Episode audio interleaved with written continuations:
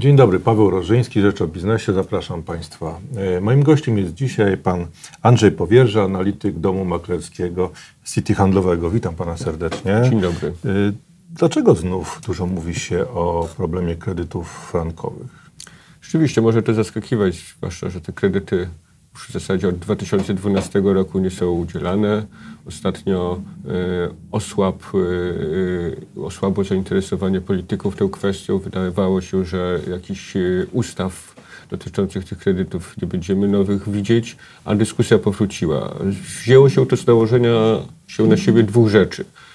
Po pierwsze, coraz częściej klienci wygrywają w sądach. Oczywiście nie mamy dobrej statystyki, która by to pokazywała, ale e, patrząc na orzeczenia Sądu Najwyższego, to z sześciu ostatnich, które znalazłem na stronach sądu, tylko w jednej sprawie wygrał bank i to tylko z powodu czysto technicznego. W pozostałych sprawach wygrali klienci.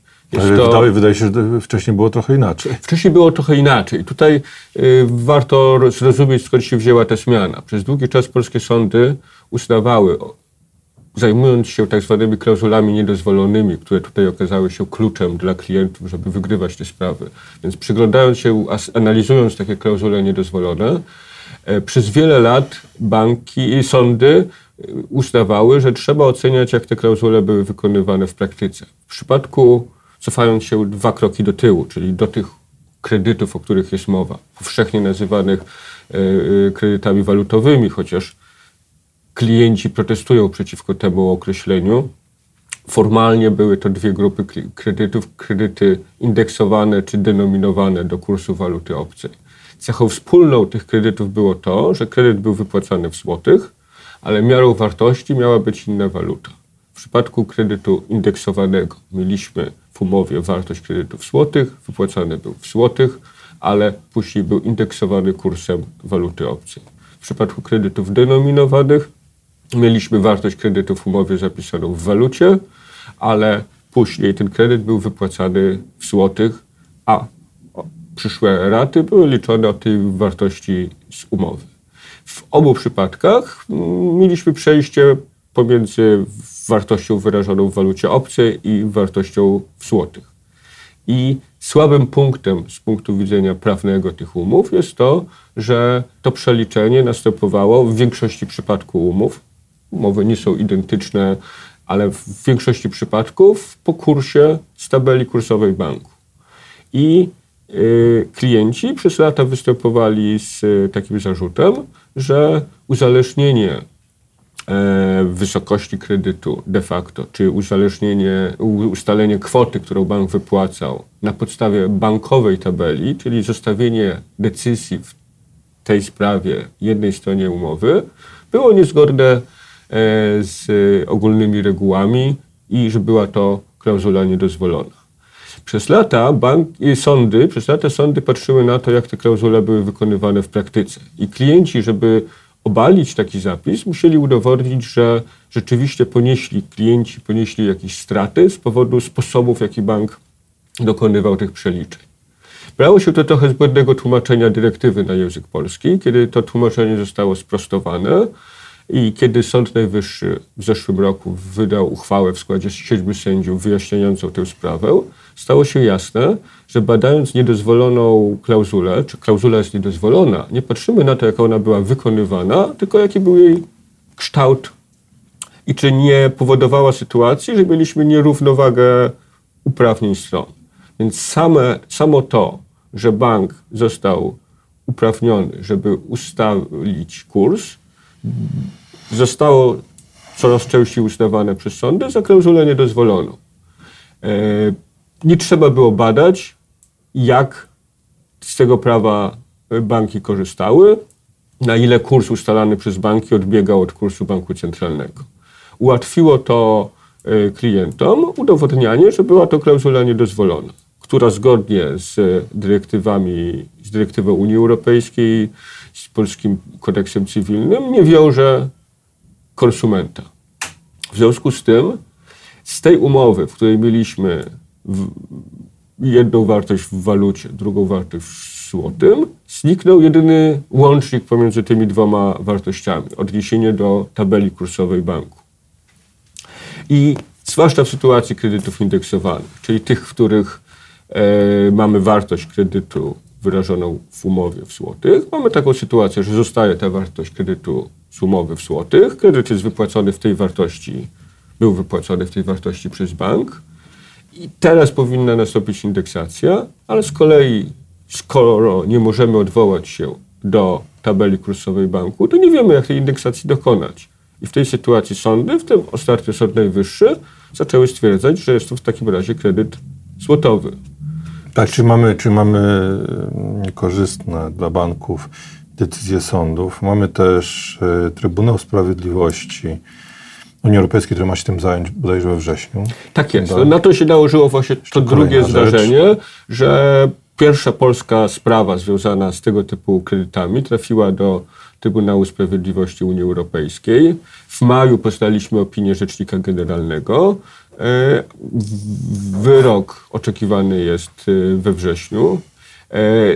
E, z jednej strony można powiedzieć, że ten wyrok już niewiele zmieni, no bo skoro polskie sądy, do których należy zawsze ostatnia decyzja, Trybunał mówi tylko, jak interpretować dyrektywę unijną, jak w jej kontekście interpretować polskie prawo, ale szczegółowe zastosowanie polskiego prawa cywilnego zostaje zawsze w rękach lokalnych polskich sądów.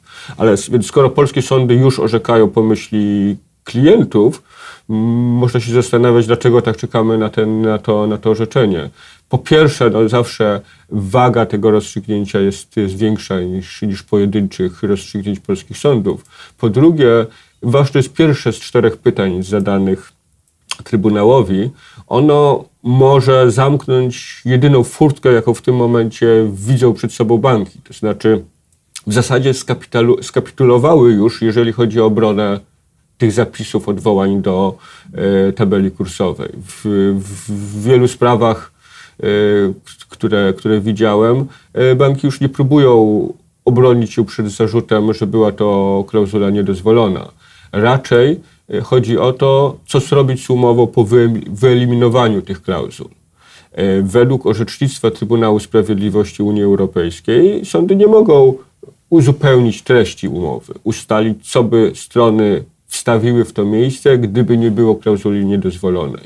To jakie e, mamy tutaj y, możliwe obciążenie banków? Jakie, znaczy, za, jak to... jeszcze dokończę ten wątek, że tak. w związku z tym linią obrony banku w tym momencie jest odwoływanie się do ogólnych reguł prawa, do ustalonych zwyczajów i próba w ten sposób zastąpienia niedozwolonej klauzuli umownej kursem banku centralnego. E, gdybyśmy przekonali sądy, gdyby banki przekonały sądy, że ustalonym zwyczajem jest, że e, jeżeli mamy zobowiązanie w obcej walucie i nie ma ustalonego kursu, to stosujemy kurs banku centralnego, no to to by nam rozwiązało tę sprawę. Gdyby można było na podstawie właśnie tej usta tych ustalonych zwyczajów uzupełnić umowę. I pierwsze pytanie, kluczowe, od odnosi się do tego, czy możliwe, czy dopuszczalne jest zastąpienie niedozwolonej klauzuli czymś, co nie wynika bezpośrednio z przepisów prawa, ale wynika z ustalonych zwyczajów, do których kodeks cywilny w wielu miejscach się odwołuje. Opinia rzecznika była, że nie wolno. Więc to bardzo utrudnia zastąpienie zapisów y, odwołań do tabel kursowych czymś innym i w praktyce otwiera drogę przed czymś, co z punktu ekonomicznego jest y, przewalutowaniem tych kredytów po kursie udzielenia na złoto. A czy, czy możemy ocenić, jakim właściwie ciężarem jest ta sprawa dla banków, czy jakim może być ciężarem? Znane są szacunki Związku Banków Polskich, y, które mówią o około 60 miliardach złotych. Moje wyliczenia są bardzo zbliżone, więc mówimy o olbrzymim y, teoretycznym obciążeniu, gdyby y, wszyscy klienci poszli do sądów i wygrali. No tu mamy dwie niewiadome. Po pierwsze, oczywiście, jaki procent klientów pójdzie. Po drugie, e, kiedy te pozytywne rozstrzygnięcia by zapadły. Właśnie, a jaki jest w tej chwili y, taki skumulowany zysk zysk banków w tej chwili? Jak się ma do ich, do ich zyskowności? No to jest to ponad czterokrot, czteroletnie zyski sektora, ale to też tak nie można patrzeć, no bo ten ciężar nie jest rozłożony równomiernie na cały, na cały sektor. Tak, są banki bardziej y, zaangażowane w kredyty frankowe Tak, no są, są, są banki bardzo obciążone. W związku z, ale no, nie można zapominać o tym wymiarze czasowym. To znaczy, gdybyśmy czekali z uwzględnieniem tego kosztu do finalnych e, i prawomocnych orzeczeń, to by to nam zajęło pewnie ponad 100 lat. Bo tyle by trzeba było czekać, żeby wszystkie, wszyscy klienci w sądach uzyskali pozytywne rozstrzygnięcia. Zwłaszcza, że w zależności od tego, z jakim żądaniem występują klienci i co y, ostatecznie sąd decyduje, to czasami na jeden kredyt mamy nawet i trzy sprawy sądowe. Jeżeli się okaże, że sąd orzeka po myśli klienta, ale w trochę inny sposób niż y, klient by chciał. W związku z tym y, to by groziło totalnym zapchaniem sądów. Y, I jest to scenariusz w zasadzie no, nieprawdopodobny. Wiadomo, żeby coś innego musiało się zdarzyć, ale y, no, rynek żyje niepewnością y, i stąd y, presja na, na kursy polskich banków w ostatnim czasie. Inwestorzy miotają się pomiędzy różnymi scenariuszami, pomiędzy tym, że znowu tylko zostaniemy postraszeni tym, tym problemem, jak już to wielokrotnie miało miejsce w przeciągu ostatnich pięciu lat, y, do scenariuszy właśnie takich, że rzeczywiście czeka nas y, poważny problem y, i próba wypośrodkowania, co jest No najbardziej do tego dochodzi jeszcze kurs franka, który jednak przekroczył 4 zł. I który na pewno zachęca klientów, żeby pójść do sądu. No. Bo jeżeli ciężar kredytu rośnie, no to ta potencjalna wygrana ma większą wartość. I z drugiej strony zwiększa to straty banku, gdyby rzeczywiście e, sprawa została przez e, bank e, przegrana. Więc tutaj mamy bardzo wiele, e, wiele niewiadomych. E, No i, no i jest jeszcze jakby też, może być taka pokusa rządu, żeby specjalnie tych banków nie bronić, ponieważ mm, no, mają do, mimo wprowadzenia takich obciążek jak chociażby podatek bankowy, no i kondycja sektora jest dobra w tej chwili. Kondycja sektora jest bardzo dobra, co odzwierciedla aktualnie dobrą kondycję gospodarki. Ale po pierwsze wiadomo, że nie jest to dane na, na zawsze. Po drugie częściowo dobra kondycja gospodarki wynika z dobrej kondycji sektora, z tego, że jest w stanie pełnić swoją funkcję, dostarczać kredytu do gospodarki. Jeżeli yy, by się to skończyło, gdyby banki nie były w stanie kredytować czy to przedsiębiorców, czy, czy konsumpcji, czy inwestycji osób prywatnych w nieruchomości, no to koniunktura gospodarcza byłaby dużo gorsza. W związku z tym y, no na pewno e, w, w interesie państwa jest, żeby zdolność banków, sektora do dostarczania kredytu była utrzymana. I e, i w, to też jest brane pod uwagę przez inwestorów, którzy w związku z tym e, raczej nie spodziewają się zupełnie katastrofalnych scenariuszy, ale e, no, pole manewru jest, e, jest, jest, jest o tyle ograniczone, że musimy prowadzić dyskusję na poziomie argumentów prawnych.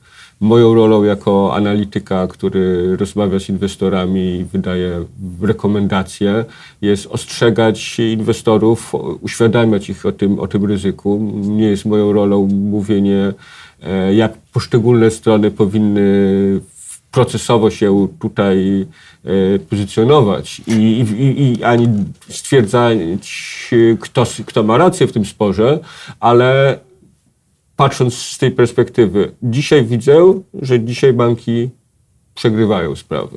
Eee, przegrywają. Jakiś czas temu wygrywały. Czy za moment nie będzie następna wolta w orzecznictwie, bo uda się bankom znaleźć sensowne prawne argumenty, żeby przekonać sądy, że e, aktualna linia orzecznictwa idzie w złą stronę, albo na przykład e, uda się e, w sytuacji, kiedy nawet takie kredyty byłyby unieważniane i strony by miały zwrócić sobie to, co świadczyły, przekonać sądy, że pewne odszkodowanie za, czy wynagrodzenie za korzystanie z kapitału powinno być zapłacone, co by zmniejszyło ekonomiczną korzyść z konwersji dla, dla klientów. No bo gdybyśmy pozwolili obu stronom zwrócić to, co sobie świadczyły, co płaciły, ale jednocześnie naliczyli, naliczylibyśmy odsetki według złotowych stóp procentowych, to by się okazało, że y, dla wielu klientów y, taka operacja nie ma dużej ekonomicznej korzyści, nie przynosi dużej ekonomicznej korzyści. W związku z tym nie, nie jestem w stanie powiedzieć, jak to orzecznictwo ukształtuje się w przyszłości i dlatego tak naprawdę jaki będzie koszt dla sektora cały czas jest, y, jest nieznane. Y, Ale na razie w, w tym meczu z banków z klientami banki są w defensywie, tak? tak w tej chwili w defensywie. Ale proszę powiedzieć, jakie jeszcze oprócz tego wyzwania tak naprawdę stoją w tej chwili przed bankami? Czy oprócz tego naturalnego związanego z cyklem gospodarczym. To znaczy dzisiaj w sektorze jest bardzo dobrze, bo w gospodarce jest bardzo dobrze, ale wiemy, że nie zawsze tak będzie, więc przygotowanie się na, na gorszą koniunkturę. E, oprócz tego no, ciągle banki są pod presją regulacyjną. E, może mniej już dzisiaj mówimy o rosnących wymogach kapitałowych, bo one już w dużym stopniu wzrosły. Mamy w perspektywie kilku lat E, wymogi dotyczące e, sposobu finansowania, struktury finansowania i, i tak, zwane wymogi związane z regulacją MREL, czyli de facto banki będą musiały na większą skalę stosować niedepozytowe źródła finansowania, żeby mieć takie finansowanie, które w sytuacji kryzysowej może być zamienione na, na akcje, żeby w przypadku problemu banku z, ze spełnieniem wymogów kapitałowych nie trzeba było szukać zewnętrznego źródła dokapitalizowania, tylko bank mógłby sam się odrodzić, konwertując te, pewnie to będą przede wszystkim obligacje, konwertując te obligacje na kapitał.